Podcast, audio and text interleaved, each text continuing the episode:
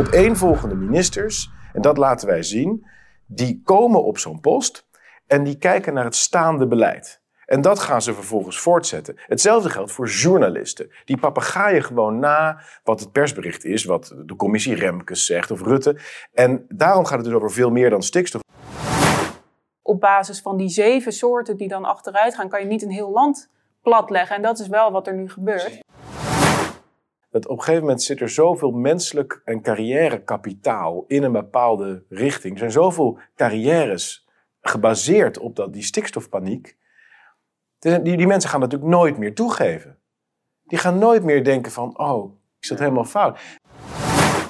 Van harte welkom bij Blue Tiger Studio in Groningen. Mijn naam is Tom Switzer en vandaag aan tafel gaat het om een nieuw boek wat uh, net één dag verschenen is. En daarvoor aan tafel zit niet alleen de co-presentator Nico Norte, bekend auteur van uh, Bij de Blauwe Tijger en uh, ja, van verschillende boeken die u gelezen moet hebben. Als u dat niet heeft, heel snel doen, want dat zijn hele goede boeken. Maar zitten vooral aan tafel uit Amsterdam onze gasten en auteurs Liederwijde Vos en Thierry Baudet.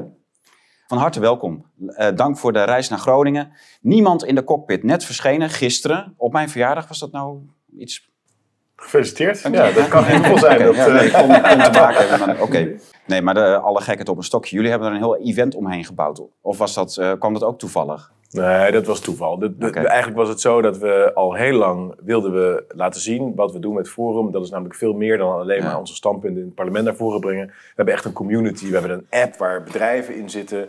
Duizenden bedrijven inmiddels. Mooi. Uh, en we hebben uh, ja, Blauwe Tijger zit erin. gyms, ja, ja, Ook, maar ook sportclubs. We hebben muzikanten, we hebben restaurants. Alles. We wilden dat samenbrengen. Een soort Forum Festival was het idee. Mm. En uiteindelijk is dat dit event geworden. Van, ja, van, uh, als we het opnemen, is dat uh, gisteren geweest.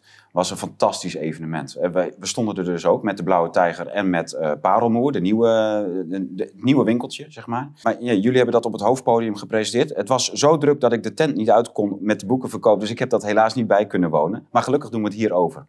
Leuk dat jullie er zijn.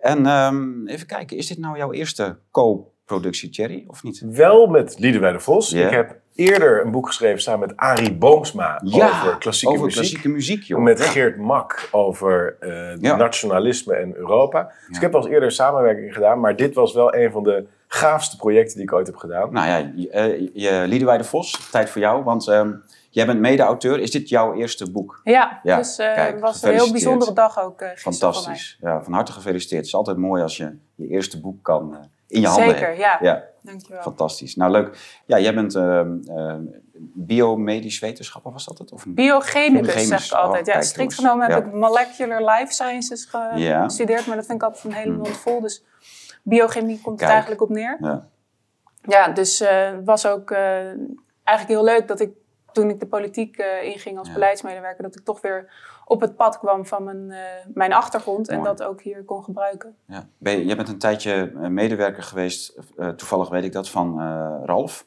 Ja, klopt. Ralf Dekker, toen die inviel voor Simone. Ja. ja. En daarvoor of daarna, je bent medewerker gebleven? Ja, ik was eerst medewerker van Gideon, toen Kijk. inderdaad voor Ralf en ja. nu voor Pepijn en Simone. Leuk. Ja, mooi. Dus, ja. En nummer 6 op de lijst, als ik het goed heb, voor de nieuwe Tweede Kamerverkiezingen van 22 november.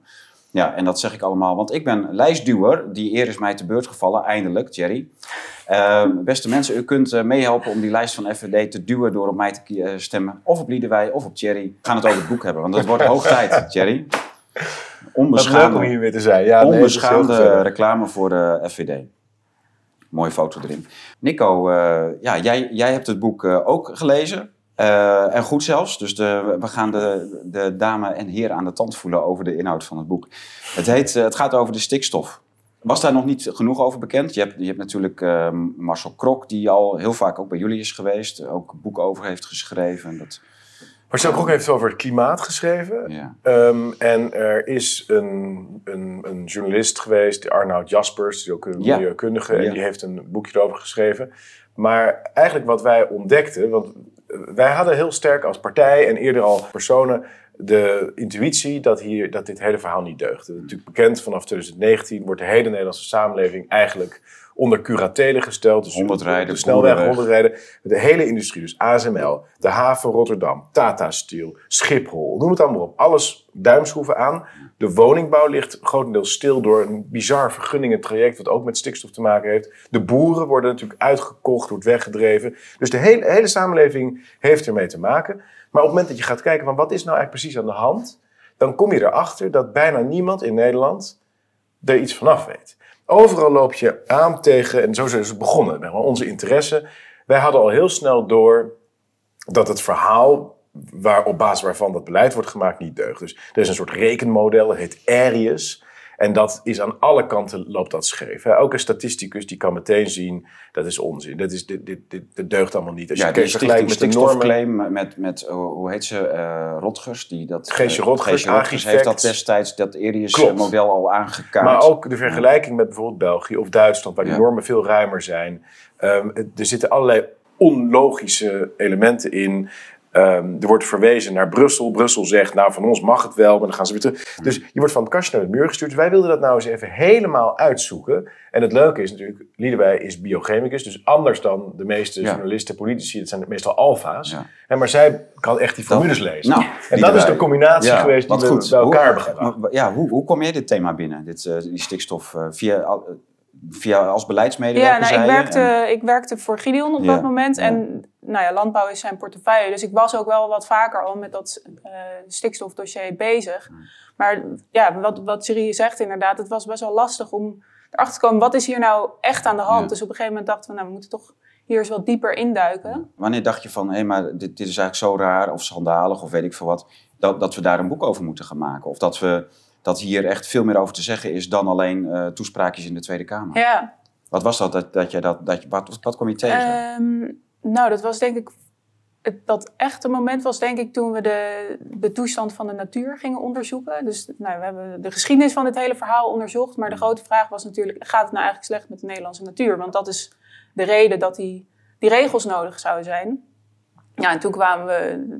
Er zijn heel veel gegevens ook over beschikbaar over de toestand eh, van de natuur. En toen we dat in kaart gingen brengen en zag, zagen eigenlijk dat het gelukkig heel goed gaat met die natuur. Toen dachten we, ja, maar hier, dit, dit klopt gewoon echt van geen kant. Dus dit, dit moeten we aan de Wat je dan ziet, en dat, dat is zo fascinerend. En daarom gaat dit boek over veel meer dan alleen stikstof. Ehm, de overheid maakt eigenlijk beleid op basis van een modellenwerkelijkheid. En er zijn in laboratoriumopstellingen en door, door vakidioten die toevallig een proefschrift hebben geschreven ooit over één bepaalde obscure mossoort of zo. Die hebben dan een model gemaakt en daar komt een heel alarmistisch idee uit.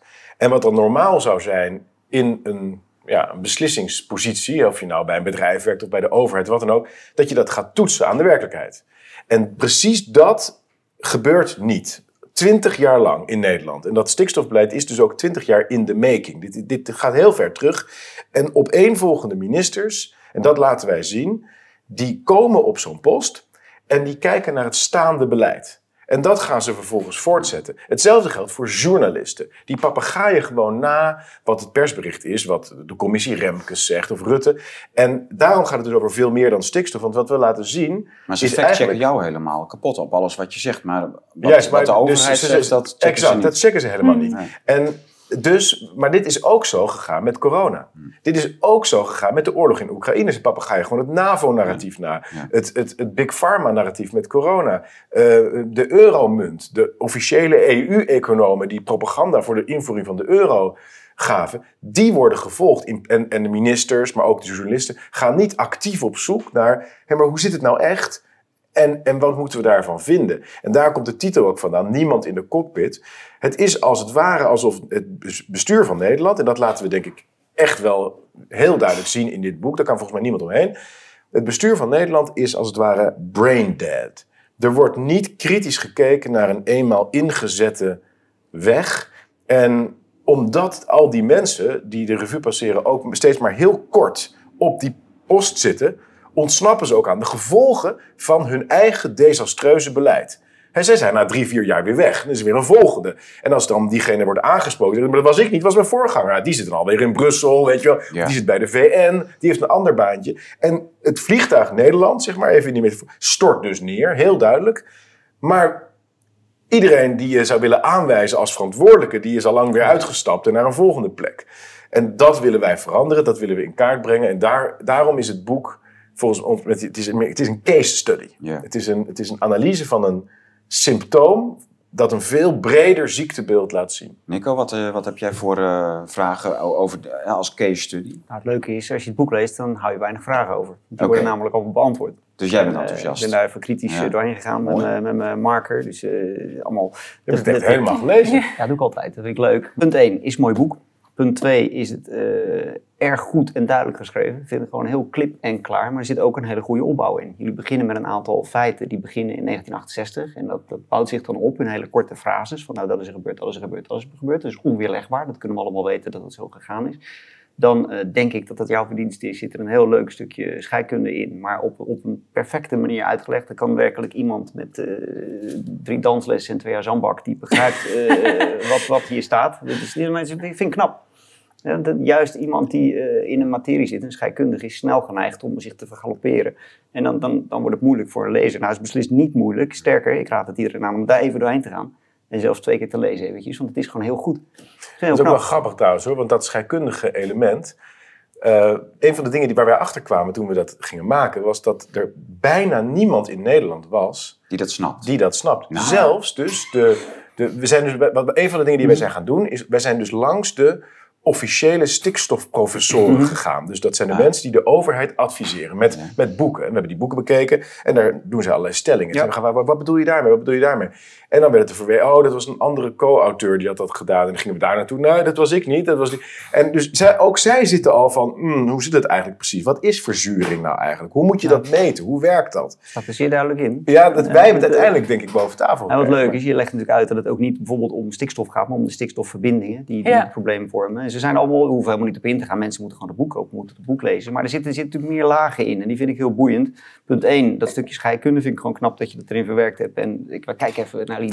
En terecht. Zeker dat ze Nee, dat gedaan heeft. absoluut. Heel goed. Gewoon goed, goed, heel goed verwerkt, heel duidelijk. Maar een, een, een, dus je krijgt een heel duidelijk beeld van punt 1. Hoe is nou die politieke opbouw naar deze situatie? Prima. Dan krijg je punt 2 een heel goed beeld van hoe zit die scheikunde nou eigenlijk in elkaar. Je beschrijft die drie kringlopen. Dat vind ik Ja. geweldig. Dat, dat is heel duidelijk, heel goed leesbaar.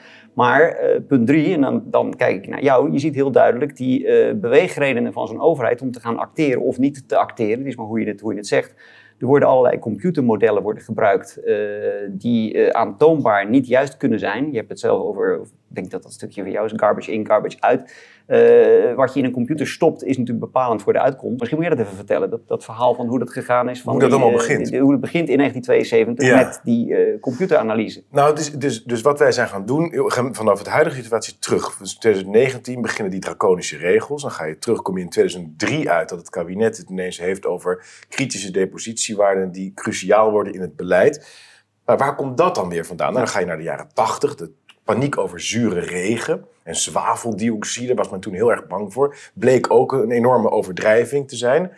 Hoe kan dat dan weer gebeuren? En uiteindelijk traceren wij dat terug naar het jaar 1972, want dan verschijnt een studie genaamd Grenzen aan de Groei. Dat is iets wat heel veel mensen van de oudere generatie zullen kennen, de jongere generatie misschien niet meer, maar dat is de Club van Rome. Dat was een soort ja, eh, milieubewuste club van industriëlen, van, van een aantal wetenschappers, best wel mensen van naam en faam.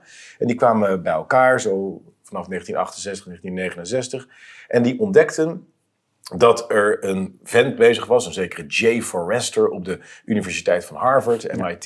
En die had een computermodel gebouwd. Een computer, dat was zo'n kast zo groot, er staat een plaatje ook in het boek. Zo- Zo'n beetje zoals deze hele studio, weet je, echt een soort eh, Death Star uit Star Wars. Oh, een wat- gigantisch ding.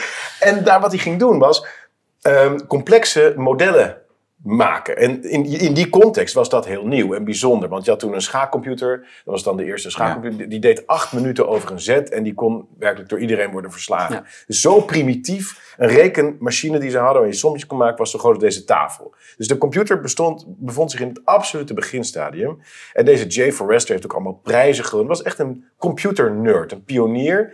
Die als eerste heel veel variabelen. Dus bijvoorbeeld bevolkingsgroei. Hoeveel eten mensen? Wat, wat voor stedenbouw heb je nodig als je zoveel mensen hebt? Wat voor brandstoffen moet je gebruiken? Allemaal in een model gooide. En daarmee een toekomstvoorspelling deed. Dus je moet zeggen, het is de eerste, eh, de eerste computerglazen bol van bere- bereken hoe de wereld zich gaat ontwikkelen.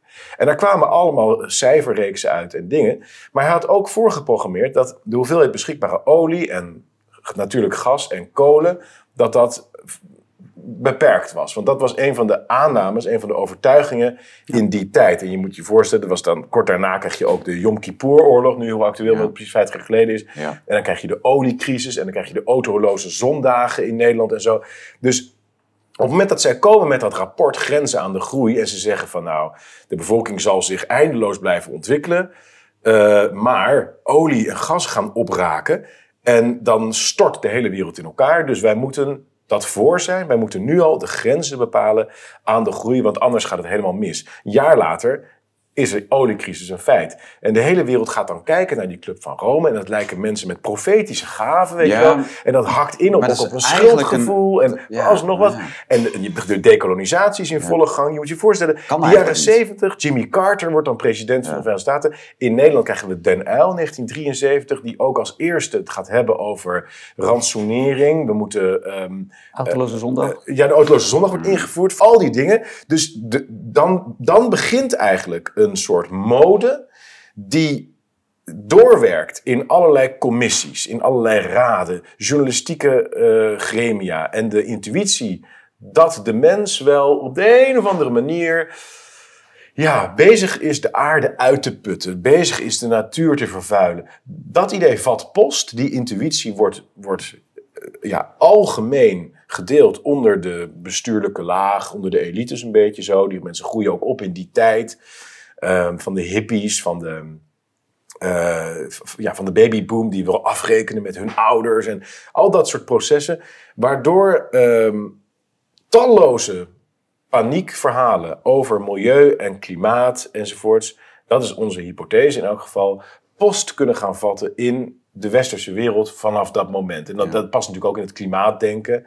Hè, dat we, je hoeft maar iemand begon maar te spreken over dat de, de poolkappen smelten of dat de is- ijsberen uitsterven. En iedereen gelooft het. Ik vind het zo apart hè, dat je dat zei van eh, we hebben eerst die Club van Rome met hun rapport in 72 en een jaar later die oliecrisis. Ja. Dat, dat lijkt echt wel zo'n Rockefeller-strategie. Net als eh, Bill Gates. Je hebt eerst die, die eh, gekke conferentie in 2018 gehad of zo. Ja. de- op die universiteit. to Ja, maar, One Ja. en zo. ja, maar En een, en een paar maanden later komt dan de realiteit erachteraan. Dat, zijn- dat zijn toch hele gekke coïncidenties. ja, maar daar Ja. moet ik ingrijpen. Want Daar schrijft Ik de auteurs die zijn de daar heel duidelijk eh, in. Nou. Ja, maar nee, maar er zijn natuurlijk twee dingen. Want jullie zijn, en dat vind ik ook heel goed. Kijk, nu eh, praten we hierover, zijn we natuurlijk iets geëmotioneerder. Dat is ook goed. Eh, maar jullie zeggen hier heel duidelijk van nee, we gaan niet in op eh, complottheorieën. We gaan niet in over op achterkamer eh Mm, ja, maar daar staat wel gelijk een an- kanttekening na van Nee, tot nee, op, zo, nee, voor zover wij kunnen als je- nazoeken. Als je, als je het leest, vind ik dat heel netjes opgesteld. want, ja. En dan volgt ook daarna een hele, gewoon eh, eigenlijk, ik wil niet zeggen cool, want het is een verkeerd woord. Want het is namelijk heel, heel enthousiast is het allemaal geschreven. Maar een hele duidelijke opsomming van feiten, een duidelijk stukje chemie. En wat ik lees in dit boek, is dat je dan uiteindelijk van dat computermodel dat er gemaakt is in 1972, gaat dat eigenlijk, daar wordt gezegd, ongeveer in het jaar 2000 zal de wereld zo'n beetje vergaan. Dan is het eh, gebeurd, zegt dat computermodel. Nou, dat komt niet uit. Daarna komt die uh, Ulrich eroverheen met zijn eh, ontbossing in Duitsland. Het wordt Ja. allemaal steeds erger. Maar je ziet dat het vanuit een heel groot eh, geheel uit die computer gaat het steeds meer naar een soort microniveau toe. En uiteindelijk eindigen we op die stikstof. En eh, je, je- je- als je dit dus ook leest, en er staan allemaal noten in, je kan het gewoon nazoeken, het klopt allemaal. Eh, we blijven dus hangen op die, op die stikstof. Daar worden allemaal aannames gedaan. Die, die volgen, mensen volgen die aannames op. Er wordt geen kritisch onderzoek meer gedaan. Elke keer komt er een bewindsvoerder die krijgt rapporten onder ogen die haar of hem niet bevallen. Wordt gewoon terzijde geschoven. Moet er een nieuw onderzoek komen? Dat bevalt dan ook niet. Gaat ook de opzij. Het Net, net zolang tot er een rapport is waar we dan mee uit de voeten kunnen. En Maar ik wil uiteindelijk... toch ook, als het mag, iets zeggen over wat, wat jij zegt over Rockefeller en het grotere niveau. Want in de epiloog gaan wij daar Ja, wel op in. Dus het boek begint eigenlijk met de vraag van wat is er nou eigenlijk aan de hand. Dan gaan we naar het, eh, het, beschrijvende niveau op het politieke level en, en het maatschappelijke level, de journalistiek. En wij stellen, ja, die mensen zijn gewoon padafhankelijk. Ja. Die volgen gewoon. En ehm, ik denk dat we dat heel aannemelijk maken. En in, het slothoofdstuk stellen we ons wel de vraag, ja, is het nou niet op een nog hoger Daarom, niveau nee, maar in het begin schrijf je dat al. en ja, Ja. in het eerste hoofdstuk en in het laatste hoofdstuk noemen we dat. En dat laten we nadrukkelijk open. Ja, omdat je dat, het Dus is onzichtbaar. het we is kunnen er niet in. onbewijsbaar. Het is niet transparant en je kunt het niet zien. Maar hè, wat, wat ik zeg met die... Er zijn wel meerdere analoge events waarbij je wel weet dat de Rockefeller Foundation en de, en de Bill and Melinda Gates Foundation wel dit soort dingen... Ja, tot dit soort dingen in staat zijn. Of, of daar nog meer achter zit of zo. Dat, dat zou allemaal goed kunnen. Maar dit is ook weer zoiets totaal eh, onverklaarbaars. Ja, de vraag blijft natuurlijk hangen waar die, hoe die Club van Rome dan zo groot Daarom, is geworden. Dus Daarom, ja. dat ja. is nu het startpunt in het boek, maar het blijft inderdaad een open vraag ja. Hoe Maar dat, goed. of dat ergens eh, vandaan is gekomen. Ja, jullie noemen natuurlijk ook dat die presentaties uiteindelijk al helemaal aan het begin van de oprichting van de WEF eh, worden die ook al gedaan. En Ja. bedoel, het, het staat er allemaal in. Maar wat ik probeerde te, want ik wilde namelijk niet te snel op dat, die epiloog terechtkomen. Nee, want die, sorry. Is, die, die is natuurlijk logisch. Nee, maar ik wil, ik wil duidelijk maken, want ik, ik vind dat heel belangrijk. Kijk, waar ik me heel erg aan stoor, is het feit dat jullie als eh, politici dit boek moeten schrijven. Ik vind het geweldig dat jullie doen, maar het is jullie werk niet. Jullie moeten land besturen. En hier moeten journalisten bovenop zitten. Die moeten dit doen, die moeten dit uitzoeken. Het gebeurt niet. En dat omschrijven jullie ook ergens in het boek. Dat het natuurlijk een hele lastige wereld in is geworden. Omdat bepaalde journalisten die krijgen het voetlicht. En andere journalisten krijgen dat voetlicht gewoon niet. En dat staat ook in die epiloog. Gewoon van, joh, het wordt natuurlijk uiteindelijk wel gestuurd. Bepaalde mensen mogen iets zeggen, andere mensen mogen iets niet zeggen. Nou, dan is het heel makkelijk om een beeld te gaan kleuren naar mensen en niemand krijgt nog de reële informatie eh, binnen. Maar persoonlijk gaat het mij een beetje aan het hart dat jullie dit boek moeten schrijven, wat ik een heel goed boek vind waarvan ik vind dat iedereen het even moet lezen, los van andere boeken die je geschreven hebt. Dat geeft een heel duidelijk beeld van wie je bent en hoe je over dingen denkt, anders dan eh, wordt gepropageerd, Dat vind ik belangrijk. Maar dit, dit, dit is een goed boek dat een journalist dat moet schrijven. Nou hebben jullie dat gedaan, dus ik ben blij dat het er ligt. En ik denk dat iedereen het moet gaan lezen. Eh, ik heb gisteren eh, op jullie dag, was heel leuk, kwamen mensen naar me toe die zeiden wat wij gaan doen. Wij gaan alle boekhandels in Nederland af en vragen of we het boek kunnen kopen. En Ja, ja, ja. ja, dat is een goed idee. Want ik kan misschien wel in natuurlijk de niet. winkel. Ja. Maar eh, om, om, om, om, om terug te komen, ik, ik, ik ben wel geschrokken van hoe, hoe het bewijs dat jullie aanleveren van hoe die, die blik van mensen alsmaar verder wordt vernauwd. En dan zit er natuurlijk één, een, een heel belangrijk kantelpunt, vind ik, die brief in 2003. Natuurlijk- die komt elke keer terug. Uiteindelijk eh, wordt, eh, kijk, dat we er is niks geks aan goed omgaan met eh, het milieu. Dit lijkt me heel erg logisch. En ik denk dat we daar in het verleden heel slordig in geweest zijn, in, uit onwetendheid. En het is natuurlijk een goede zaak dat we zo de laatste honderd jaar dat we steeds beter met het milieu zijn omgegaan. En het kan zelfs wel een beetje beter. Plastic in de oceaan, dat zijn allemaal dingen waar we met z'n allen over na kunnen denken om, om beter te maken. Dit, wat er nu gebeurt met die stikstof, is, is waanzin. En een van de dingen die jullie heel duidelijk aan het licht stellen, is dat er ergens in die politiek is een hele ernstige fout gemaakt door twee dingen aan elkaar te koppelen die nooit aan elkaar gekoppeld hadden mogen worden. En daaruit eh, zijn nogal vanaf 2003 ernstige consequenties Welke voortgevloeid. dingen zijn dat? dat, nou, dat jullie Ja, maar dat is inderdaad. Dus de brief waar het nu over gaat, dat is de brief van 11 september 2003. Die is, eh, het was een brief aan de Kamer van de bewindslieden destijds van het CDA, de heer Veerman en Van Geel. Oh. Ja. Eh, landbouwminister en eh, staatssecretaris van Milieubeheer. En op dat moment waren eigenlijk die Natura 2000 gebieden, die waren net vanuit de EU was voorgeschreven dat eh, lidstaten dat aan moesten wijzen. En nou ja, Nederland was daar ook mee aan de slag gegaan. En aan die Natura 2000 gebieden werd een vergunningverlening gekoppeld. Omdat niet meer zomaar alles rondom die gebieden ook... nou, niet, niet alle activiteiten mochten zomaar meer doorgaan. Maar lidstaten mogen zelf bepalen hoe zij beoordelen of die activiteiten wel of niet door mochten gaan. Dus nou, die Veerman en Van Geel die schreven aan de Tweede Kamer, daar moeten we iets, daar moeten we iets op verzinnen. Wat, hoe, hoe gaat Nederland dat doen? En zij schrijven in die brief, wij willen die vergunningverlening gaan koppelen aan die kritische depositiewaarde voor, voor stikstof. Het gaat om de term significante gevolgen. Hè? Dus ja. de Natura 2000 gebieden, dat zijn er dan 162 door allerlei processen in Nederland. En die moeten min of meer intact blijven. Op, op- en de, de, term, de frase die de EU daarin, die de EU-regelgeving voor heeft, is...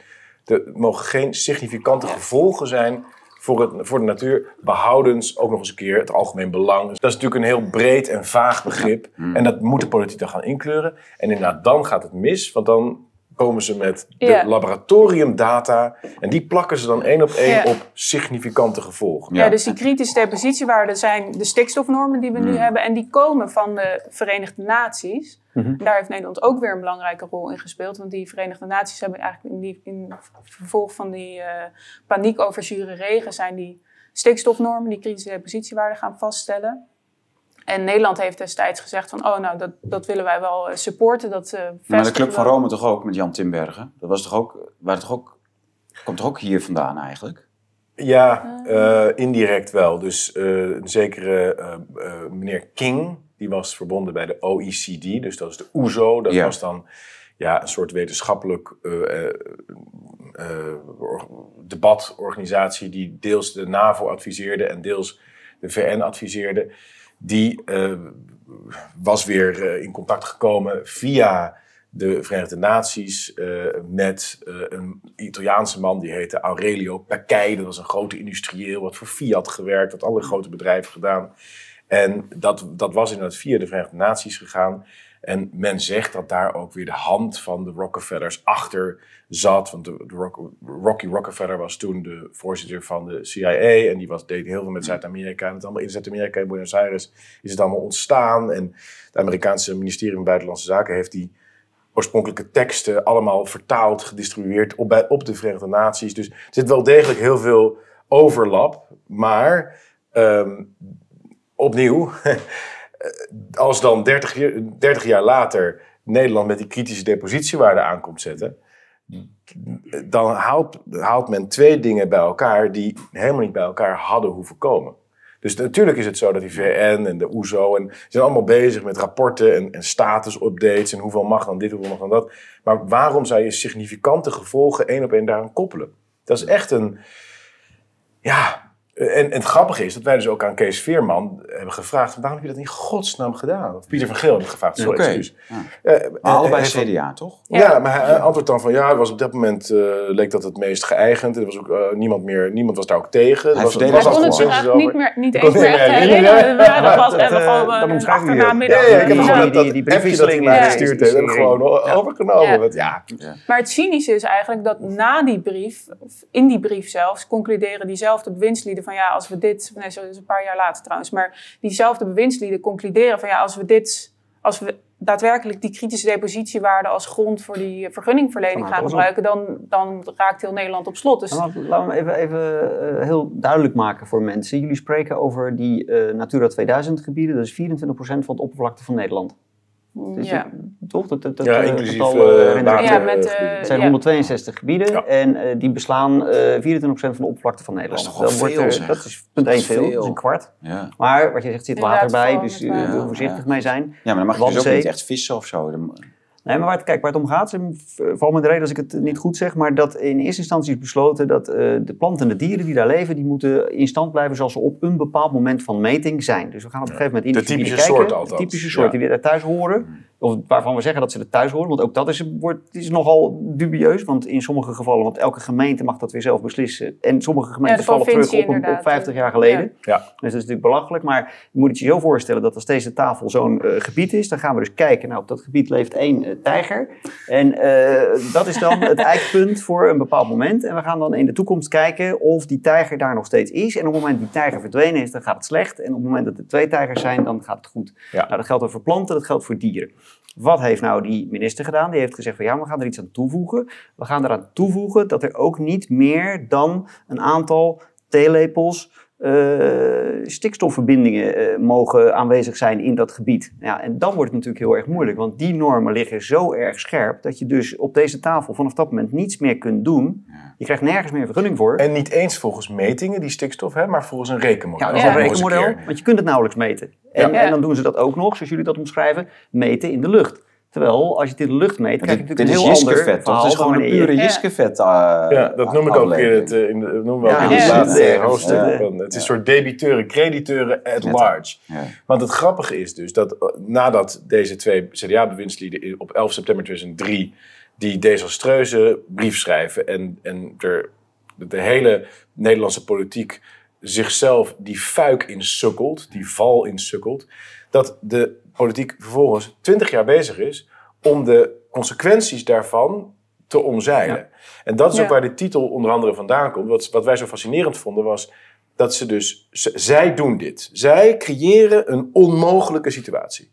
Want je hebt een kwart van Nederland, dat moet precies zo uh, uh, blijven zoals het op dat moment is. En ook nog eens een keer mag er niet meer dan een druppeltje meer stikstof komen. Een absurde kritische depositiewaarde wordt dan gekoppeld.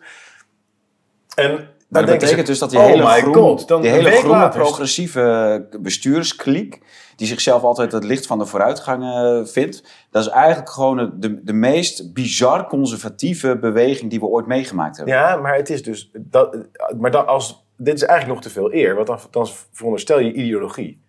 Maar het erge Nee, is. conserverend. Hè? Dus Ja, echt- maar dat is ideologie, een overtuiging dat er geconserveerd moet worden. Ja, Maar oh. het erge is dat zij dus een, een half jaar later een brief schrijven naar de Kamer. Ja, jongens, dit leidt tot een onwerkbare Ja. situatie. Dit gaat helemaal niet. En dan komen ze dus met allemaal pogingen om te ontsnappen aan de gevolgen van hun eigen beleid. Dus ze hebben helemaal niet door dat zij zelf. En dat, en dat is nou precies wat het probleem is met dus de, de politiek in dit land. Iemand heeft iets gedaan. En dan een jaar later, dan weten ze niet meer hoe dat ook weer zo gekomen is. Maar dat is gewoon de status quo. Daar moet je mee werken. En de onderliggende aannames, die staan niet meer ter discussie. En dat duurt dus dan 20 jaar, totdat op een gegeven moment Rutte zegt... nou, het lukt me echt niet om hier aan te ontsnappen. gaan dan het maar heel Nederland op slot. Ja. En toen is het in de wet... eh, En, dan- en dan- laten we het dan maar in de wet Ja, vastleggen. precies, ja. Weet je wel, Maar- gekker ga je niet wat ze moeten doen. Maar het gaat natuurlijk nog verder, want die twee rapporten waar jullie aan refereren, die, die eh, waarom gevraagd wordt, die worden Ja. één, de tweede is Nuis, en de, of, Huis, commissie rapport Huis, en daarvoor Trojan, de commissie Trojan en Huis. Is Italiaanse... En, maar die doen ook nog eens een keer aanbevelingen om het probleem op te lossen. Ja. Dus die mensen die stellen dus vast van ja, dat gaat dus niet, die, die koppeling van eh, die dispositie en, en, en dat, dat gaat niet, dat, dat, daar komen we niet verder. Die doen aanbevelingen. In het eerste, dat Trojan-rapport, worden Ja. aanbevelingen gedaan. Wordt van tafel geveegd. Dan komt het rapport Huis, er worden aanbevelingen gedaan. Dus dit rapport is duidelijk negatief over het beleid zoals dat is. Er worden wel aanbevelingen gedaan zoals dat hoort. Van tafel. We zoeken net zo lang door tot we een rapport hebben dat het mogelijk maakt om de rotmaatregel eh, in te voeren. Daar Ja. komt het uiteindelijk op neer. En dat is natuurlijk een krankzinnige situatie. En, en daarmee zet je jezelf dus compleet vast in de padstelling. En wat Thierry opmerkt is, van er komt de ene bewindsvoerder naar de andere en zegt, ja, maar dit, is, eh, dit ligt er al, ik moet hiermee verder. En niemand is bereid om, om daar een bijl in te zetten, dat te doorbreken. En wat ook heel nadrukkelijk naar voren komt, want we moeten niet vergeten dat we ook nog een wandeling in de natuur kunnen maken. Ja. En gewoon om ons heen kunnen kijken. En dan kunnen zien of het allemaal wel klopt. En dan vind ik één voorbeeld vind ik heel mooi. Dat is van die aalscholvers. Dat vind ik heel eh, grappig. Dat je op een gegeven moment een plas hebt. Eh, Dat beschrijven zij. Dan ga ik een klein beetje verklappen. Mag dat? Ja, hoor. Nee. Ehm, er is natuurlijk, kijk, eh, alles wat een, een, een dier uitscheidt, dat, dat komt in, in het water, er zit stikstof in. Of nee, nee die, sti- die in. ja. Dat is belangrijk. Dus, eh, en die maken, die kunnen voor problemen zorgen. Nou, dan hebben we een enorm, want volgens mij die aantallen die jullie noemen, 500 eh, per, weet ik wat, het is nogal wat dat die aalscholvers daar hebben zitten scheiden in Maar het ja, meer. dat is ook met ganzen En- in weilanden, is dat ook het probleem. Ja, maar het mooie is dan Ja. dat die natuur, hoeveel, die, die lost dat geloof ik in, in een Ja, dus aantal een- weken, lost die natuur dat op. Ja, En dus er komt, ieder jaar komt er een aantal maanden komen die aalscholvers Mhm. in het, in het water bij Naardermeer, is het, geloof ik.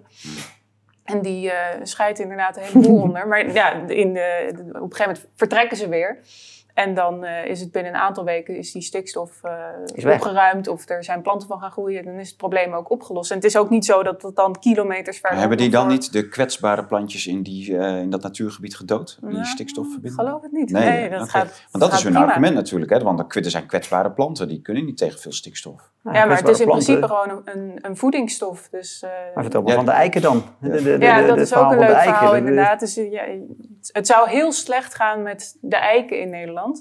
Ehm, er was ook een NOS-rapportage Ja. dan een, een jaar geleden. Werd, eh, nou, er stond een, stond een man bij, bij een groepje eiken op de Veluwe. En die eiken waren inderdaad een beetje omgevallen. Het zag er een beetje treurig uit. Ehm, en wij zijn op onderzoek uitgegaan. Wat is er nou met die eiken aan de hand? Want die, de, de NOS beweerde nou, de, de bodem verzuurt door stikstof. En daardoor gaan die eiken allemaal dood.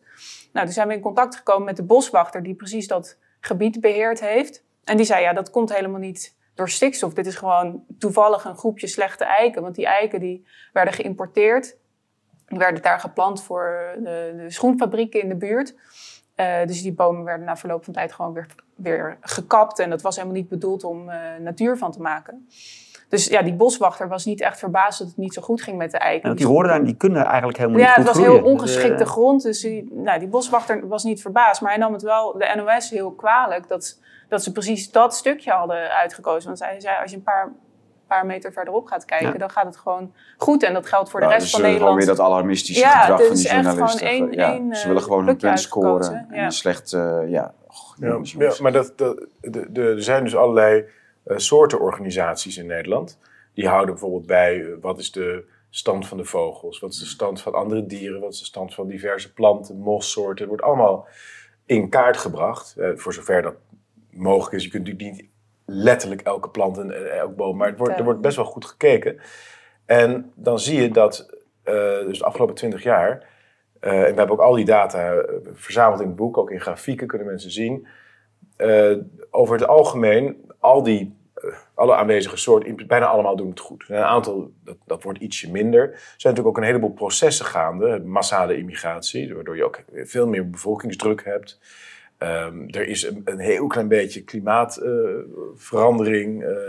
er zijn talloze processen gaande, waardoor, eh, waardoor je een beetje verandering van de natuur zou kunnen hebben. Maar de, Maar dat is ook altijd, En dat toch? is ook altijd van nature verandert er ook wel. De ene vogel doet het wat beter en de andere gaat een beetje achteruit. Maar dat Ja. is niet... Ja, dat hoort erbij. Dus er is, er is wat dat betreft helemaal niks geks aan de hand. Maar eh, daar hebben ze ook nog gekeken, voor zover er mutaties zijn, eh, wat is nou in de ogen van dus deze gewoon daadwerkelijke milieukundige eh, toe te schrijven aan welke oorzaken?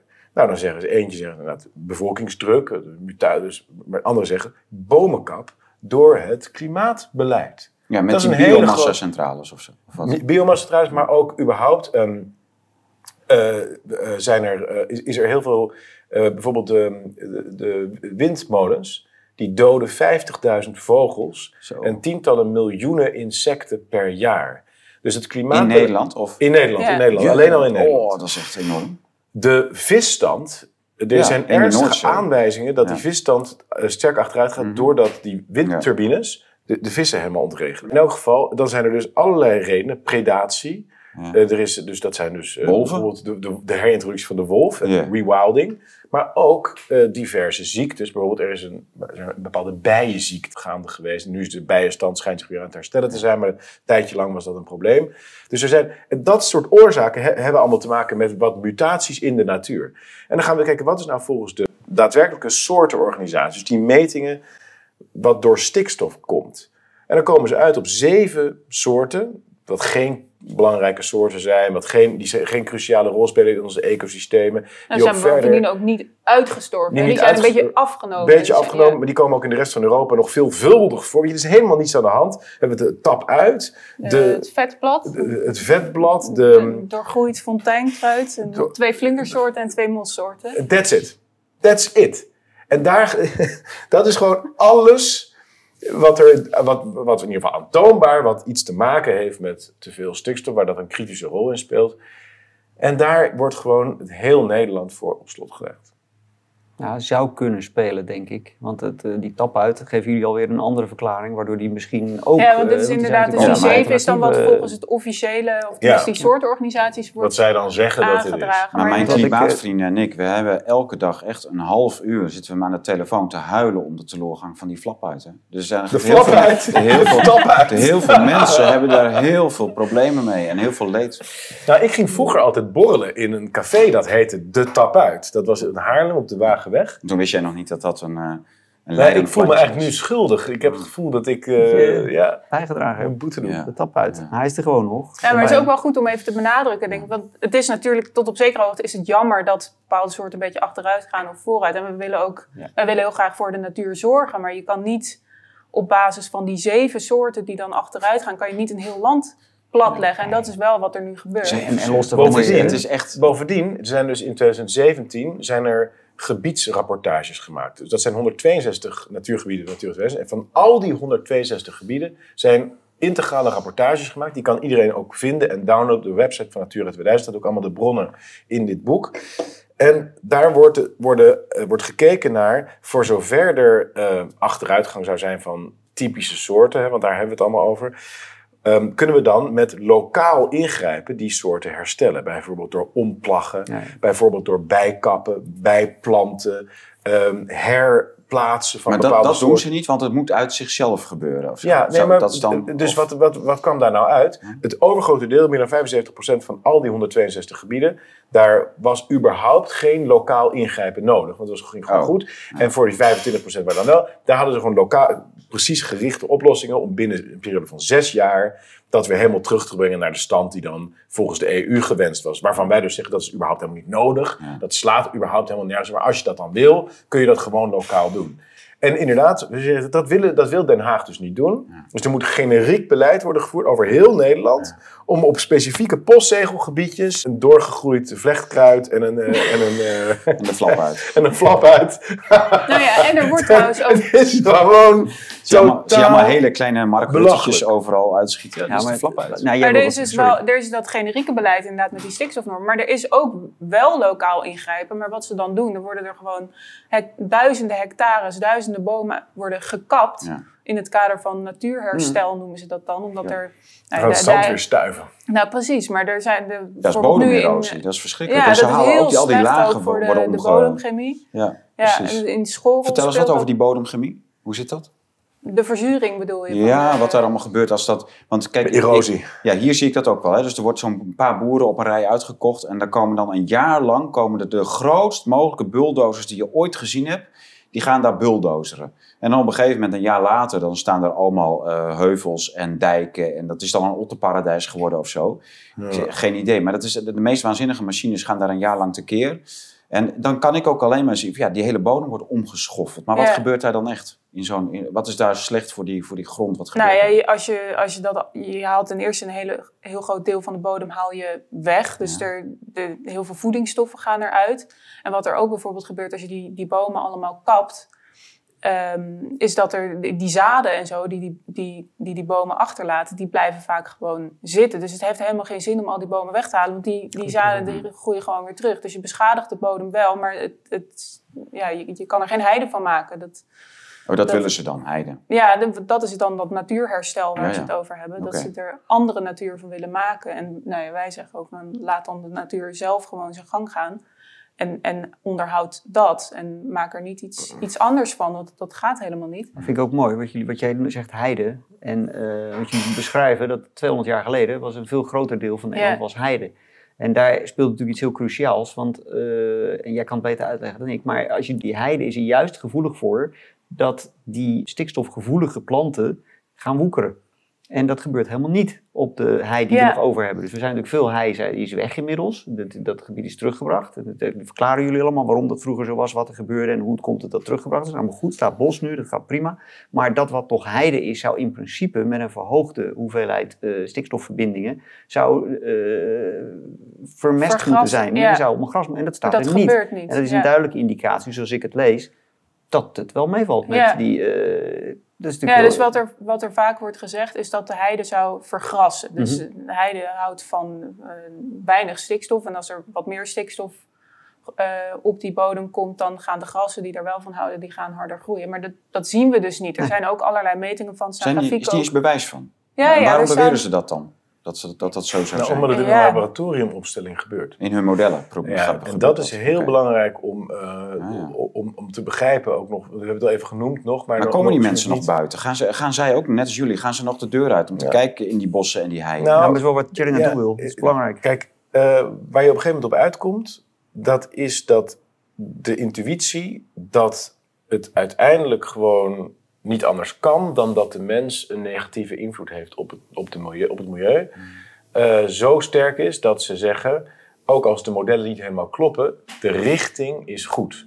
Wij moeten minder vlees eten met z'n allen. We moeten iets doen aan onze uitstoot, want klimaatverandering. Nou, laat dan die stikstof nu het breekijzer zijn. Laat dat dan nu de, de manier zijn om als voet tussen de deur.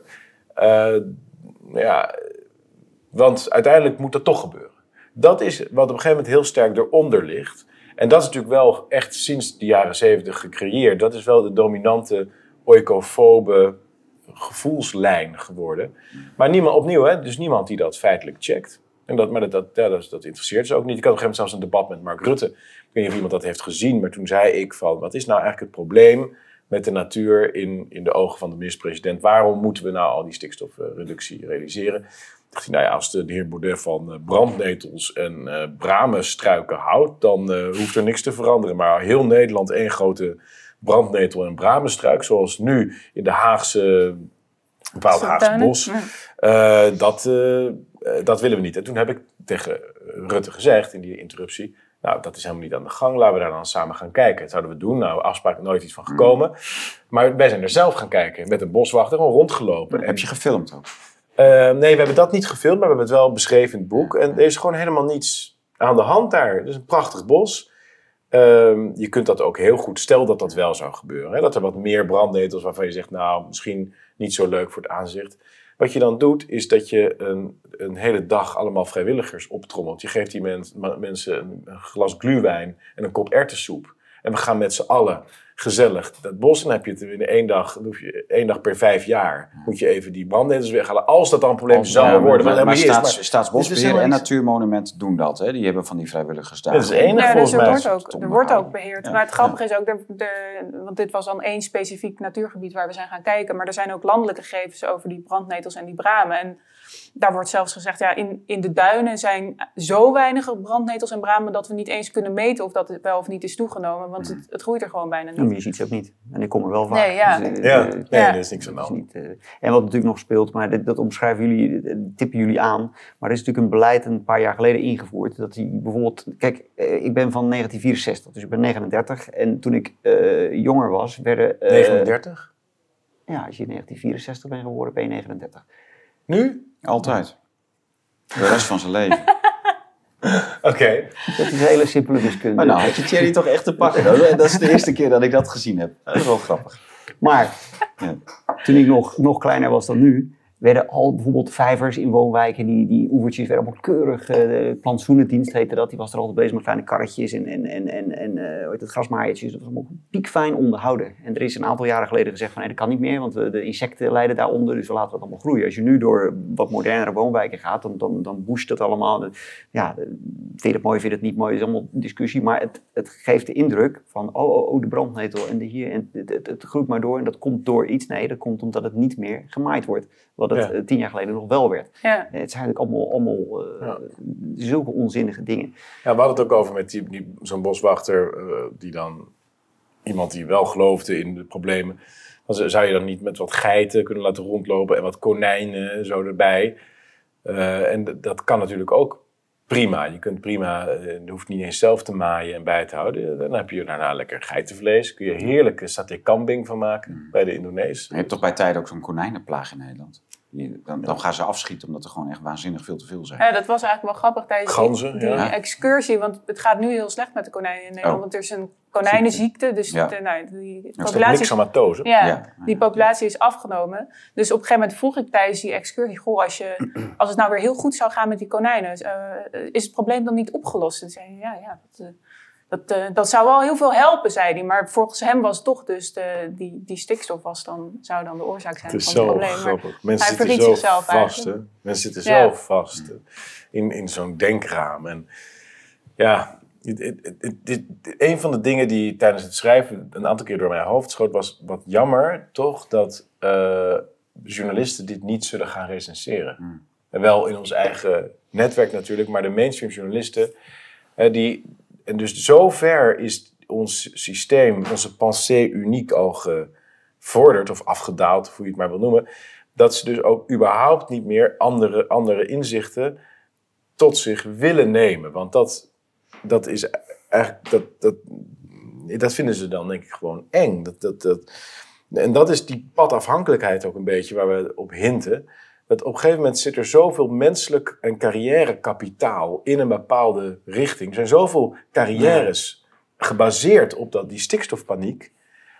Dus Die, die mensen gaan natuurlijk nooit meer toegeven. Die gaan nooit meer denken van, oh, ik zit Nee, helemaal fout. ja. En dat hebben we natuurlijk nu ook gezien met corona. Ook, ook eh, Ja, er gaat te veel in rook op als dat zou gebeuren. ja, er gaat te veel. Als, als, als Rutte, als Hugo de Jonge nu zou zeggen: jongens, ik heb coronabedrog gelezen. Mijn god, wat heb ik gedaan? Ja. Jullie hadden al die tijd gelijk. Het spijt me verschrikkelijk. Dat, dat, kan helemaal niet meer. Ja, Mensen maar dan gaat ook het hele systeem de andere kant in rol, uitrollen. Want dan, en dan, dan weet je ook dat dat enorme gevolgen heeft voor... Het hele systeem gaat in één keer achter hem aan en zijn kornuit. Want eh, als hij toegeeft dat dat allemaal niet goed is geweest... Ja, Hij weet hoe groot dat systeem is. En als hij dat tegen zich heeft, dan, dan, ben, jij, dan ben jij niet meer de Sjaak, maar is hij de Sjaak. nee, maar dat geldt dus voor alles. Dat geldt voor de invoering van de euro. Oekraïne. Er zijn 500.000 doden daar. Hmm. Als ze nu zeggen, ja, Thierry had eigenlijk gelijk. We kunnen gewoon vrede sluiten. Dat is helemaal niet nodig om Het is veel erger. Thierry. De Russen hadden gelijk, want die zeiden dat drie kwart jaar geleden. Er zijn 500.000 doden in Oekraïne. Die kwamen als eerste met die cijfers.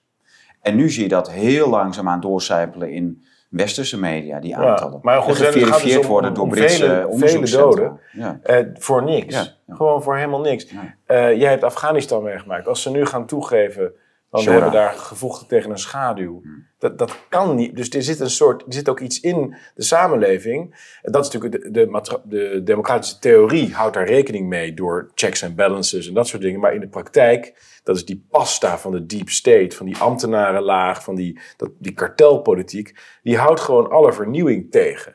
En je kan dus, het heel, ik denk dat wij het heel mooi hebben opgeschreven. Ik denk dat iedereen die dit leest, je kan hier gewoon niet omheen volgens mij. Dit, als je dit zo leest, het is gewoon game, set, match voor dat hele stikstofbeleid. Maar bij het schrijven had ik dus wel echt een beetje pijn van wat verdrietig. Als je Ja. dit geeft aan Christiane van der Waal, de minister. Zij zal het niet willen lezen. Ze zal doen wat Hugo de Jonge deed, mijn boek, gewoon weg. Ik moet dat niet. Het is gevaarlijk. Journalisten zullen het niet willen recenseren. En dat betekent dat dit dus ja, heel veel mensen hopelijk gaan het wel lezen en, Ja. en dan misschien brieven erover schrijven en dan dat het ergens op een gegeven moment door gaat klinken. Maar het zal in een bibliotheek terechtkomen en het zal over Nou ja, 30 weet ik niet. jaar zullen Kijk, mensen zeggen, kijk, maar Het is, het is gisteren gepresenteerd. Eh, het, het was een waanzinnig succes gelijk al op die dag. Zo, hoeveel, hoeveel mensen waren er? Op de, Er waren 2000 mensen op het, 2000. eh, op het, eh, op ja, op de festival, Ja. op Forum Outside. maar iedereen En, ging met zo'n boek weg. Ja, dus heel veel mensen hebben het meegenomen. Dus dat, dat is natuurlijk fantastisch bemoedigend. Ja. Ontzettend leuk. En ook eh, een, ehm, een enorme beloning voor... Ik ben heel trots op Liedewij ook, moet ik zeggen. Want eh, wij- ja, ik weet hoe heftig het is. Je eerste boek, ik heb het nou wat vaker gedaan. Maar het is, je gaat een heel psychologisch proces Ja. door. En nu is het er. Dus ja, dat, dat was allemaal heel leuk. Maar ja, we hopen, we hopen echt dat het, eh, dat het nou iets verandert. Dat, ik vind dat zo pijnlijk om te zien. En ik heb ook zo vaak dat je... We hebben kennen allemaal die ervaring. Dat je terugkijkt in de geschiedenis. Van hoe is dat toen mogelijk geweest? Ja. Toch? Dat, als je naar het Romeinse Rijk kijkt. Of naar de Franse Revolutie. Grote events uit het verleden. Waarom zagen mensen dat Hoe kon het niet? gebeuren? Of ja. En dat heb je dus nu met 1940, dit. hoe kon het gebeuren? Hoe liet men dat toe? Ja, over alle, allerlei dingen. Allerlei zaken. Wat, wat, wat je ook maar Er is toch een soort van eh, een, een grip die er op de massa ligt. Of de, er is geen, geen andere denken mogelijk. Het gaat allemaal die kant uit zo. Ja, en het grappige is ook dat we natuurlijk in musea bijvoorbeeld...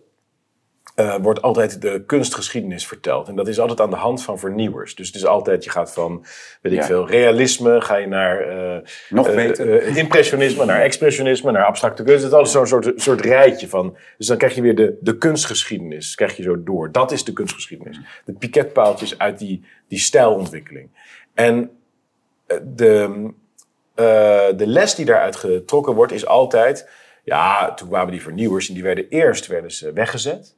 En toen braken ze door. Dus Monet, de, de, de term impressionisme was een geuzennaam, maar dat was eigenlijk bedoeld om het af te wijzen. De term gotiek was ook een geuzennaam, want iedereen vindt gotiek dat is lelijk. Pas Maar na zijn dood zag iedereen het na genie zijn van Van dood, Gogh. Van Gogh en Christopher Columbus en noem het allemaal op. Het is altijd zo'n verhaal van, Ja. van miskenning naar erkenning. En wat dus heel duidelijk in het systeem zit, in ons systeem, wat de geschiedenis die we vertellen, is van de eenlingen die afdurfden te wijken van de kudde. En, die, eh, en wat zijn wij nu toch verlicht? Dat wij dat nu zien. Dat wij nu begrijpen hoe goed Picasso was. Weet je wel? En Mondriaan. Oh, en als dat soort mensen nu in onze tijd geboren zouden worden, dan zouden we natuurlijk omarmen. Want wij zijn nu open-minded geworden. En dan heb je dus mensen die daadwerkelijk, zoals wij allemaal, dissidenten zijn. En die iets anders.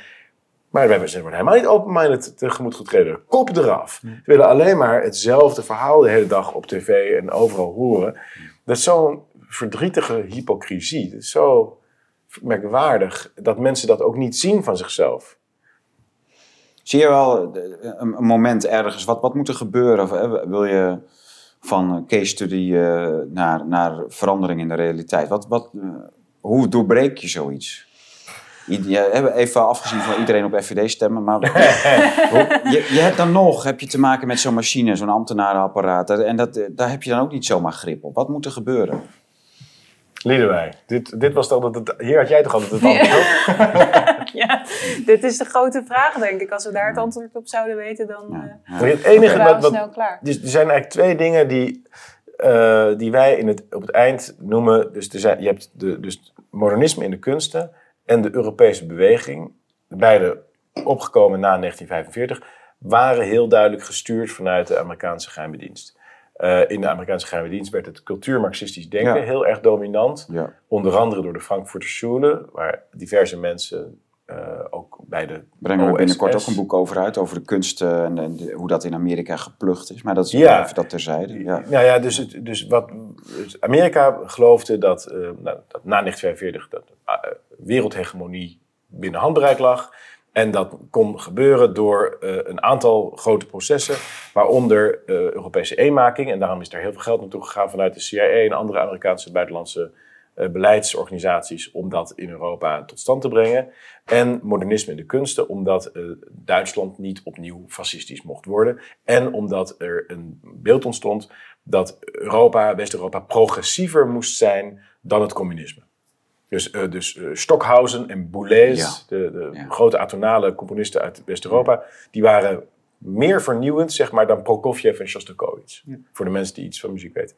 Dat was, een, dat was het idee. En Jackson Pollock en Mark Rothko, dat waren dan abstracte kunstenaars, die werden gesupport. Die waren vernieuwender dan het, eh, het, op, Sovjet-realisme van de arbeider. Die, Ja. Maar dat is heel raar, want niemand luistert nog naar Stockhausen of ja, Pierre Boulet, misschien nog net een beetje. Maar terwijl Pollock en zo, dat is nog steeds kapitalen waard. hè, Ja. Dat, is toch Klopt. raar. Ja, heel raar eigenlijk. Ja, maar je, je, als je dat op de, aan de muur hebt hangen, hoef je er niet naar te kijken. Terwijl als je Stockhausen op Ja, de staat, dan kun je Ja, niet aan ontsnappen. Ik denk dat dat een grote rol speelt. Maar eh, eh, dus die, zo'n hoofdstroom, die wordt dan wel in gang gezet daar. Door, en daarom is het, denk ik, wat we in de epiloog opwerpen, is wel relevant. Het zou gewoon heel interessant zijn om eens te kijken of de milieubeweging niet ook op een of andere manier onderdeel is geweest van het buitenlands beleid Ja. van de Verenigde Staten. Er waren allerlei plannen om Europa te deindustrialiseren. En dat is natuurlijk wel degelijk wat die milieubeweging doet. Het vernietigt gewoon Europa als industriële macht. Ja, Ja, gratis Maar- processen voeren eh, tegen de staat. en, en gewoon de hele industrie gaat weg. Maar, het, dus dat is optie 1, dat, het, eh, dat er een onzichtbare hand Maar achter schermen- milieubeweging, Maar dat, is, heeft Riepke Zelmaker toch al- vaak eh, ook gezegd, dat eh, die, die, die Rockefeller Foundation, hoe die financieel die milieubeweging al vanaf het begin eh financierde. Ja, en de Rockefeller Foundation is natuurlijk weer intiem verbonden Daarom. met de, Ja, de geheime dan heb je het over deep state. dingen. Ja. Dat is allemaal waar. Maar eh, tegelijkertijd is er ook een hoopvolle gedachte in het boek. En dat is dat omdat op het nationaal niveau de mensen, we noemen ze krabbelaars. Nou, dat is eigenlijk een citaat van Gert-Jan Segers van de ChristenUnie. Die zei, wij zijn krabbelaars. Wij weten ook eigenlijk helemaal niet wat we doen. We zitten daar aan tafel en we, we proberen maar wat. Die mensen weten waarschijnlijk echt niet wat ze aan het doen zijn. En dat betekent weer dat als je tegenover die onzichtbare handen, die aan de ene kant dingen ins- in, instigeert, een organische, sterke, bottom-up beweging zet, die met een duidelijke agenda, een duidelijke lobby, echt concrete tegenkracht organiseert, op een democratische wijze natuurlijk, voor de duidelijkheid, dan eh, heb je wel, wel echt een kans ook om, om, dat, om die cockpit Bestuurbaar. binnen te gaan en die stuurknuppel te herpakken. Want misschien is er een luchtverkeersleiding, zo dat, in die metafoor. Maar het vliegtuig is nog steeds in feite zelf bestuurbaar. Dus als wij de, ja, de levenskracht vinden om dat te doen met elkaar. Zie jij dat? Of zie je een bepaalde Nou, er zijn voorbeelden van. Er zijn Ja. gewoon in de geschiedenis Ja. zijn er hele duidelijke voorbeelden van suc- succesvolle nationale 1948. tegenbewegingen. Ja. ik weet niet of dat nou een heel goed voorbeeld is. Maar er zijn wel degelijk er zijn, er zijn allerlei voorbeelden van, van lobbygroepen die zich op een goede, duidelijke, sterke manier zelf hebben georganiseerd. En die binnen een bepaald heel grote wereldomspannende ontwikkeling ehm, toch hun eigenheid hebben weten te behouden, toch bepaalde processen hebben eh, veranderd en tegengehouden. Eh, ik zou eh, als voorbeeld willen noemen ehm, de, het kernenergieprogramma dat Charles de Gaulle in Frankrijk heeft geïntroduceerd, ondanks de enorm sterke beweging, vanaf Charles de Gaulle, daarna is het voortgezet door Pompidou en anderen, maar eh, ondanks een enorm sterke beweging vanuit de milieubeweging, de push, om geen kernenergie meer te hebben in Europa. En Frankrijk draait nog steeds voor, ik geloof voor 75% op kernenergie. Dat is heel succesvol geweest in Frankrijk. Specifiek. Hongarije ook. Er zijn meer landen die heel succesvol met kernenergie... eh, Maar en Hongarije vind ik een ander voorbeeld dat ook op, op andere terreinen heel succesvol tegenwicht biedt. Ook daar is de druk groot op Hongarije, bijvoorbeeld om genderpolitiek te implementeren enzovoort. Dat doet men niet. Eh, een ander voorbeeld is Italië, dat ondanks de druk voor modernisme in de kunst en de architectuur gewoon geen modernistische architectuur heeft. Bijna niet. Geen hoofdbouw, hoogbouw. Italiaanse steden zijn eigenlijk grotendeels intact gebleven. Dus er zijn allerlei voorbeelden van. En, en dat is gewoon omdat er een nationale tegenbeweging was. Via eh, bestemmingsplannen, via buurtraden. Die, die Italianen hadden zoiets van. eh, nou, nou, dat niet. Ja, maar, maar zie Weet jij je dat? En dat, dat, kan dan wacht je toch op de samenleving. En dat, dat Ik, gebeurt ik ook niet. reken op de Ja, samenleving. maar dat gebeurt ook niet. In corona niet. En, weet je, dat, Ja, maar weet- ook wel weer. Kijk, uiteindelijk, ik ben ervan overtuigd dat die coronagekte. Eh hadden ze veel liever nog veel langer willen laten doorgaan. Ja. Dat is toch heel succesvol. Ook al hebben we natuurlijk nooit de credit gekregen. En ja, Baudet zijn partij is kleiner geworden dan vier jaar geleden. Maar we hebben toch wel heel veel bereikt, denk ik. En die, die lockdowns die zijn ontzettend snel en onverwacht. Was het ineens van de ene op de andere dag was het over. En de QR-code ging weg en de vaccinatieplicht was weg. En nu blijkt Nederland een van de landen met de minste vaccinatiegraad te zijn van de westerse wereld. Nou, ik denk ook wel dat het mensen, de, als er dan een, verkeersleiding is, dan, dan denk ik wel dat corona ook wel heel veel mensen de ogen heeft geopend. Eh, Mijn ogen zijn deels geopend. Ik heb meer gezien, ik, bedoel, ik, ik, ik heb dat wel eens vaker in interviews gezegd, maar ik verklaar mezelf schuldig aan het feit dat ik misschien wel eens in het jaar 2028 wakker had kunnen worden in een sociaal kredietsysteem. En dat ik het even toch gemist had. En jullie zijn daar scherper in Ja, maar eh, Nico, altijd het- geweest. ik- maar, het is toch ook zo van als je nu ik heb nog het niet wakker bij bent. corona dat- pas doorgekregen hoor. Ja, en maar als je, nu nog, als je dit nu nog niet snapt hoe de wereld draait, dan, dan gaat het toch heel moeilijk. Dan ben je toch heel moeilijk wakker te krijgen. Dat ben je ook, eh, absoluut. Maar ik vind wel, eh Thierry's enthousiasme, dat mag niet ge- ge- gestopt worden. Want we moeten natuurlijk toch Ja, ja. gewoon zien dat we mensen wakker, maakten, Ja. eh, wakker maken. En, en ik, ik, ik geef van mezelf in ieder geval toe dat ik, dat ik misschien toch half in slaap was voordat dit gebeurde. En eh, ik, ik weet niet of ik dat bij jou in de uitzending heb gezegd, maar ik, ik was heel druk met eh, een boek dat uitkwam op, op 16 maart eh, 2020. En toen waren die, die uitspraken van, van Rutte. Ik, ik, ik, legde dat naast me neer, want is een hiccup in de geschiedenis en het zal wel goed komen. Ik was niet bang voor corona, maakte me daar niet druk om. Dus ik deed lekker met ik zat los te schrijven. Tot hij die tegen mij zei van, joh, nu alles wegleggen. Je laat alles uit je handen vallen. Je gaat zitten achter je computer. Je gaat bestuderen WHO. Je gaat bestuderen WEF. Je gaat bestuderen. Een hele ris dingen. Ze opgeschreven voor hem. Zeg maar nee. Dus ik ben gaan studeren. En, Ja. en, en, en ik schrok me te pletter. Ik bedoel, twee uur later eh, zat ik een beetje bibberig achter mijn computer. en, nee, maar ik maak Ja, ik, bedoel, ik zat, eh, we konden niet terug naar Oostenrijk waar we toen woonden. Ik zat op Texel in een huisje. eh, om, omdat we die, die, die grenzen kon je dan ineens niet over. En eh, ik wist niet precies wat er aan de hand was. En het boek zou uitkomen, interviews, toestanden. werden allemaal, allemaal stopgezet natuurlijk. Op, op, eh, 16, ik zou, op 16 maart zou ik in alle talkshows zitten. En 16 maart werd er gebeld van eh, je doet niet meer mee. Dat ging over je boek over Afghanistan, Ja. toch? Ja. Dat is allemaal gewoon eh, in de koelkast gegaan. En eh, nou goed, corona, corona. eh, ik maakte me daar helemaal niet druk om. Op de een of andere manier. Dat zal ik helemaal niet meer. Maar toen, toen hij dat zei, ben ik pas echt gaan studeren. En zijn de, de, de schellen van mijn ogen gevallen, werkelijk. Eh, Dus jij, terwijl- jij ziet nog steeds wel echt mogelijkheid dat, er, dat we dat, dat proces massaal door blijven zetten. Voor Nou, ik ben mensen het die... met jou helemaal eens dat het heel moeilijk is om mensen wakker te maken. En het is nog moeilijker om mensen wakker te maken die al eh, voor het voet in de deur principe zijn gegaan. Die, die hebben bijvoorbeeld Ja. al een aantal prikken genomen. Nou, ga daar maar Ja. aan uitleggen dat dat niet zo handig is. Moet je heel voorzichtig doen. Moet je, het is Ja, dat is heel pijnlijk voor mensen. Ehm, jullie zijn al duidelijk weggezet als mensen die in een bepaalde categorie horen. Ik ben daar weggezet, jij bent daar weggezet. Het is heel moeilijk om, om, om, eh, om, om dat terug te winnen, om mensen wakker te maken. Eh, Oscar Wilde schiet me ineens te binnen. Die schreef ooit dat, dat, dat eh, kunst is de weg naar eh, vooruitgang. En dan noemde hij vooral de literatuur. Was, was een van de belangrijkste vormen om, om, om, om verder te komen als mensheid. Nou, jullie schrijven, dat is heel belangrijk. Ik vind dat ook, zijn van die kleine dingetjes die je uit het boek kan halen. Vind ik dan wel leuk, dat voorbeeld dat jullie geven van, van, van Pollock. Eh, Het kan niet waar zijn dat niet iemand ooit eh, in de wereld heeft nagedacht van hoe kan nou toch in hemelsnaam een paar, iemand die, die, die, die, die verf tegen de muur staat te gooien, hoe kan dat nou wat waard zijn? En dat is duidelijk, denk ik, een, een, een, een gestuurde antireactie op dat wat Oscar Wilde en veel meer mensen zeiden. Van, joh, die kunst is heel belangrijk om, om vooruit te komen als mensheid. Nou, die moet je dan even een halt toeroepen. Hoe doe je dat? Door iemand op te hemelen die eh, verf tegen een muur staat te smijten. Dan roep je dat uit tot kunst. En dan, Ja. eh, ik, ik ben toevallig wel een fan van impressionisme, maar dat, dat lag dan ook in één keer helemaal stil. Want Dat was het ineens. En eh, ja, dat is natuurlijk helemaal niet. Dat is een construct. Dat is gemaakt. En daarmee doorbreek je dus die, die vooruitgang die kunst zou kunnen bewerkstelligen. En eh, ja, misschien moeten we daar gewoon naar terug blijven vallen. En jullie doen dan hier mijn poging, ik doe mijn pogingen, jij doet je pogingen. Het is toch allemaal ergens in afgeleide van kunst wat we maken. Eh, literatuur is kunst.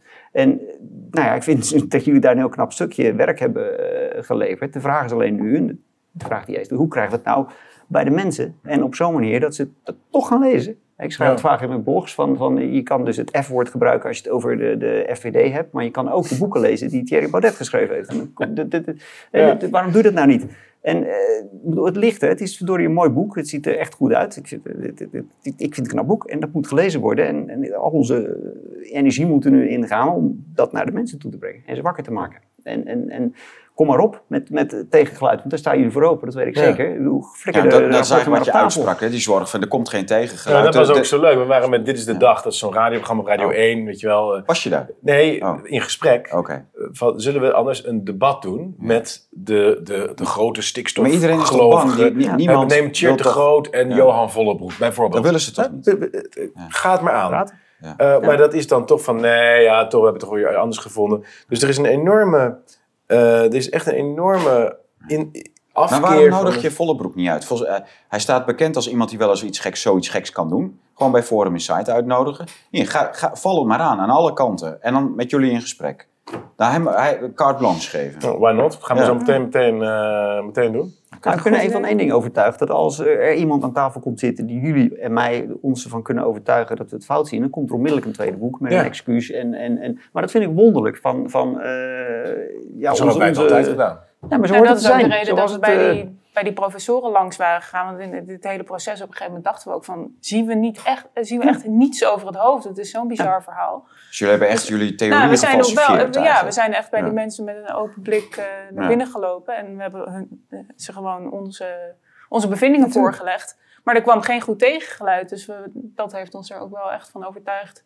dat we het wel bij het juiste eind hadden. Maar inderdaad, als er ja, als er nieuwe informatie naar boven komt. Uh, dan herzien we onze mening. En dan, dan, dan, maar dat, dat vind ik wel apart. Dat dus die, die, die, en dat maakt het ook zo moeilijk. Dat hij zegt 80%, ik weet niet of die percentages kloppen, die het niet ziet.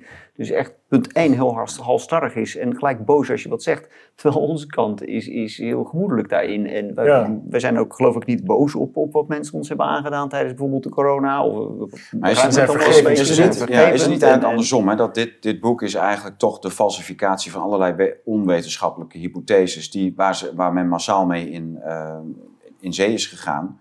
En die een heel winstgevend model is voor een bepaalde kliek. En je falsifieert het. Het is gewoon, het is van tafel geschoven. En dat is het probleem. Ja. En dus jullie, jullie hebben niet zo heel veel Je hebt eigenlijk gewoon gecheckt wat die anderen allemaal zeggen, beweren en in modellen gieten en tot stand brengen. En voor, voor de rest is er toch niet heel veel ja, maar dat kan natuurlijk nog steeds, dat is waar, maar dat kan natuurlijk nog steeds heen en weer gaan. Dus we staan nog steeds open De falsificatie van de falsificatie. Klopt. Ja. Oké. er is, dan, ja, nou, dat, dan wachten we daarop. Ik hoop dat jullie dat uh, lukt. Uh, wij en, en doe ik, laten we het hier doen. No, de, de, pak, nee, pak camera en, uh, en microfoon en nodig. Ik zal het wel doen. voorstanders van het stikstofbeleid. Uh, professoren op universiteiten, uh, mensen die uh, actieclubs zitten, journalisten, wie dan ook, maar politici. Wij zijn met iedereen bereid in gesprek te gaan. Dat kunnen we hier doen bij Blue Tiger onder de leiding van, van Tom en, en Nico. Of neutrale lijstduwer uit Groningen. Het kan, ja, Neutraal, maar het kan ook ergens anders. wij staan overal voor open. Ja. En ja, um, als het niet zo is, als jullie het lezen en je bent er wel mee eens dan zou het natuurlijk fantastisch zijn om dan dat toe te geven. En dan kan Nederland verder komen. Prima, gaan we doen. Dus, uh, maar niemand in de cockpit. Dat boek ligt er toch maar even. Hij ligt op tafel en uh, schiet erop. Geniet ervan, leer ervan en koop hem bij bluetiger.studio of in de webwinkel van www.deblauwetijger.com of bij amsterdambooks.nl. Uh, dat kan ook. En vragen naar bij de boekhandel. En vragen naar oh, dat is heel goed. Ja, dat is heel ja, goed. Want dan, uh, dan, dat is natuurlijk, uh, jaagt de verkoop van het boek helemaal aan. Bedankt voor het kijken. Uh, Leduwij en Thierry, nogmaals dank voor jullie komst naar de studio. Maar Nico, dank voor je komst uit Spanje. Want daar woon je tegenwoordig helemaal voor dit gesprek afgereisd naar Groningen. En eh, ja, zit weer in het kampement van kapitein buitendienst Nico Norten. Dus die, eh, dat is weer eh, geopend en live. En misschien maken we nog wel even binnenkort een leuke zou uitzending leuk met z'n tweeën. Dank voor je, dat je hem goed bestudeerd en wel beslagen aan tafel bent aangeschoven om dit boek te bespreken.